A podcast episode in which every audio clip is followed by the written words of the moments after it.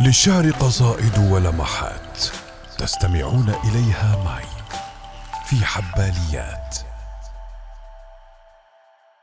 السلام عليكم ورحمة الله وبركاته. تحياتي لكم. اليوم عندي قصة حزينة وعميقة وجميلة ومثيرة و... ومثل ما بيقولوا بالإنجليزي one and only. يعني بتاريخ ال ال ال الأدب العربي والشعر العربي. ما تشابه حدا مع قيس بن الملوح. يعني في كتير مجانين وكتير عشاق وكذا لكن قيس له خصوصية آه، بطبيعة إنه هذا الرجل حنقول الزلمة هذا الرجل تاه على وجهه بعد إنه افترق عن عن محبوبته. هام في هذه الأرض. مرة بيقول لك شافوه بالشام مرة بيقول لك شافوه في نجد مرة في الحجاز مرة في العراق. كثرت الأقاويل. لكن بالنهاية هذا الرجل فقد حياته كما نعرفها نحن البشر. فقدها بشكلها الطبيعي بعد أن آه، تزوجت أو زوجت غصبا آه، ليلى. زوجت غصبا من شخص آخر. قصة هذا الرجل بشكل سريع إنه هذا الرجل عشق ابنة عمه. عشيقة ابنة عمه. هلا ما بعرف أنا موضوع أنه الواحد يحب بنت عمه. يقال أنه ما لها بنت عمه بس الأغلب الروايات قالت أنها أن ليلى بنت سعد العامري هي ابنة عمه. أه ما بعرف أنا موضوع كيف الواحد كان يحب بنت عمه. حتى في بعض المناطق في سوريا في شمال سوريا كانوا بيحيروها لبنت العم. شو يعني يحيروها؟ يعني ابن عمها أه بينفرض عليها كزوج إلا أن يطلقها أو يعتقها لوجه الله تعالى. يعني هذا الشيء ربما ما زال عادة الحيار يسموها ما زالت في بعض المناطق. للأسف طبعا. آه، أنا بالنسبة لي شخصيا وهذا البودكاست دائما في جانب شخصي. وخلينا نكون منطقيين. آه، بنت العم أنا أعتقد أنه هي أخت حتى ال DNA حتى الدم واحد حتى بالعلم نصح بعدم زواج الأقارب. ولا يوجد أقارب يتزوجون غير أولاد العم. يعني أولاد الخال لسه شوي صاروا أبعد أو بنات بنت خاله وكذا. صار شوي أبعد. لكن بنت العم هي تقريبا ال DNA نفسه وهذا اللي بينتج عن مشاكل علمية اثبت العلم من زواج الأقارب. ما علينا. الرجل حبها ومشي الحال. وحبها وكانوا صغارا. قال تعلقت ليلى وهي غر صغيرة. ولم يبدو للأتراب من ثديها حجمه. صغيرين نرعى البهم يا ليت أننا. إلى اليوم لم نكبر ولم تكبر البهم. رفقا طفوله وصبا ومراهقه اذا فينا نقول فعشقا وهاما ببعضهما. كان من عادات العرب أيضا إنه لما يعرفوا إنه آه، شاعر أو حدا عنده ملكة الشعر تغزل بفلانة فهذا بيعتبروه شيء سيء. أهلها طبعا بيعتبروه إنه عم يتغزل ببنتنا. يا لطيف. فكانوا آه، يحجبوها عنه وهذا ما حصل. فإجا أبو ليلى وحجبها حجب بعد ليلى عن قيس. قيس جن قال له أخي شو بدك؟ نحن جاهزين. جاب له بأحد طلبها طبعا مرارا وتكرارا ما ما وافق الأب. بعدين تقدم قيس وجمع لها مهرا بأحد المرات أو بالمرة الأخيرة جمع لها مهرا كبيرا. تقريبا خمسين ناقة حمراء. طبعا الناقة الحمراء لها قيمتها وقتها؟ وخمسين يعني مدبر حاله الرجل وصارف يعني. فرفض العم إنه يزوجه بنته. قال له روح مالك عنا بنات. مثل ما ذكرت لأنه السبب الأساسي إنه ذاع صيتهما بالحب وتشبب بها مثل ما بيقولوا يعني تغزل فيها بشعره لقيس فالأب كتير انزعج وقال طبعا نحن هلأ بهالأيام آه، إذا حدا بيفوت من الباب مثل ما بيقولوا وصار بيناتهم هاي الشوفة وصار بيناتهم الأمور اللي تتعلق بالخطبة وكذا وأعجبا وأحبا بعضهما فمتوكل على الله. يعني إذا ما في حب يا بنتي إذا ما حبيتي ما بدك إياه. يعني نحن هاي الأيام هيك عم تصير. وهذا الشيء شرعي على فكرة يعني الشوفة الشرعية والقبول من الطرفين وإلى آخره. فيعني الحب آه، أنا برأيي شيء أساسي لتكمل هاي الزيجة يعني كيف بدها تصير بدون؟ إلى أن تقدم خاطب آخر لليلى اسمه ورد بن محمد العقيلي من قبيلة ثقيف. اسمه ورد يعني عندك قيس جاكي قيس شوفوا ما أحلى اسم قيس. قبلتي بورد مع احترامي للورد يعني بس ورد أنا من مؤاخذة.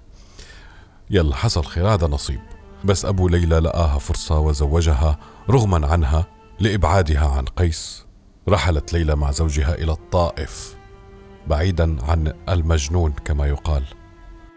يقال أن أبا قيس أبوه أخذ على الحج لكي يدعو الله أن يشفيه مما ألم به من حب ليلى وقال له أبوه تعلق بأستار الكعبة يا ولد وادعو الله أن يشفيك من حبها. راح قيس تعلق بأستار الكعبة وقال اللهم زدني لليلى حبا وبها كلفا ولا تنسني ذكرها أبدا. ما في أمل. من القصص الصعبة جدا التي تدل على مدى جنون هذا الرجل بتلك المرأة. راح قيس لعند زوج ليلى. راح على الطائف وصل لعنده على مضافته مكان اللي بيجلسوا فيه مع الرجال. راح لعند ورد. وما عرفوا ورد. كان يوما باردا. وكان جالسا مع كبار قومه. وأوقدوا نار بالنص هيك أوقدوا نار للتدفئة فجلس قيس بينهم. ولما سنحت له الفرصة بالتكلم أو بالحديث قال له بربك هل ضممت إليك ليلى قبيل الصبح أو قبلت فاها؟ وهل رفت عليك قرون ليلى ضفائرها. رفيف الأقحوانة في نداها كأن قرنفلا وسحيق مسك وصوب الغانيات شملن فاها. فشكله ورد عرف من هذا فقال له أما إذا حلفتني فنعم. صار اللي حكيت عنه. فقبض قيس بكلتا يديه على النار ولم يتركها حتى سقط مغشيا عليه. هذا مو حب هذا جنان. كما قلت سابقا هام على وجهه. قطع الأمل معت في ليله ضاع في القفار وفي البراري. ينشد الأشعار والقصيد. يأنس بالوحش ويتغنى بحبه العذري إلى أن رحمه الله وجد ملقا بين أحجار على وجهه وهو ميت. قصة حزينه جدا ومؤثرة جدا لكنها قصة حقيقية حدثت مع قيس بن الملوح. اخترت لكم من شعره اليوم قصيدة آه، من الغزل العذري تقول في مطلعها ألا لا أرى وادي المياه يثيب. اسمعوا. ألا لا أرى وادي المياه يثيب. ولا النفس عن وادي المياه تطيب. أحب هبوط الواديين وإنني لمشتهر بالواديين غريب. احقا عباد الله أن لست واردا ولا صادرا إلا علي رقيب. ولا زائرا فردا ولا في جماعة من الناس إلا قيل أنت مريب. ألا في سبيل الحب ما قد لقيت؟ غراما به أحيا ومنه أذوب. ألا في سبيل الله قلب معذب. فذكرك يا ليل الغداة طروب أيا حب ليلى لا تبارح مهجتي. ففي حبها بعد الممات قريب. أقام بقلبي من هواي صبابة. وبين ضلوعي والفؤاد وجيب. فلو أن ما بي بالحصى فلق الحصى وبالريح لم يسمع لهن هبوب. ولو أن أنفاسي أصابت بحرها حديدا لكانت للحديد تذيب. ولو أنني أستغفر الله كلما ذكرتك لم تكتب علي ذنوب. ولو أن ليلى في العراق لزرتها ولو كان خلف الشمس حين تغيب. أحبك يا ليلى غراما وعشقة. وليس أتاني في الوصال نصيب.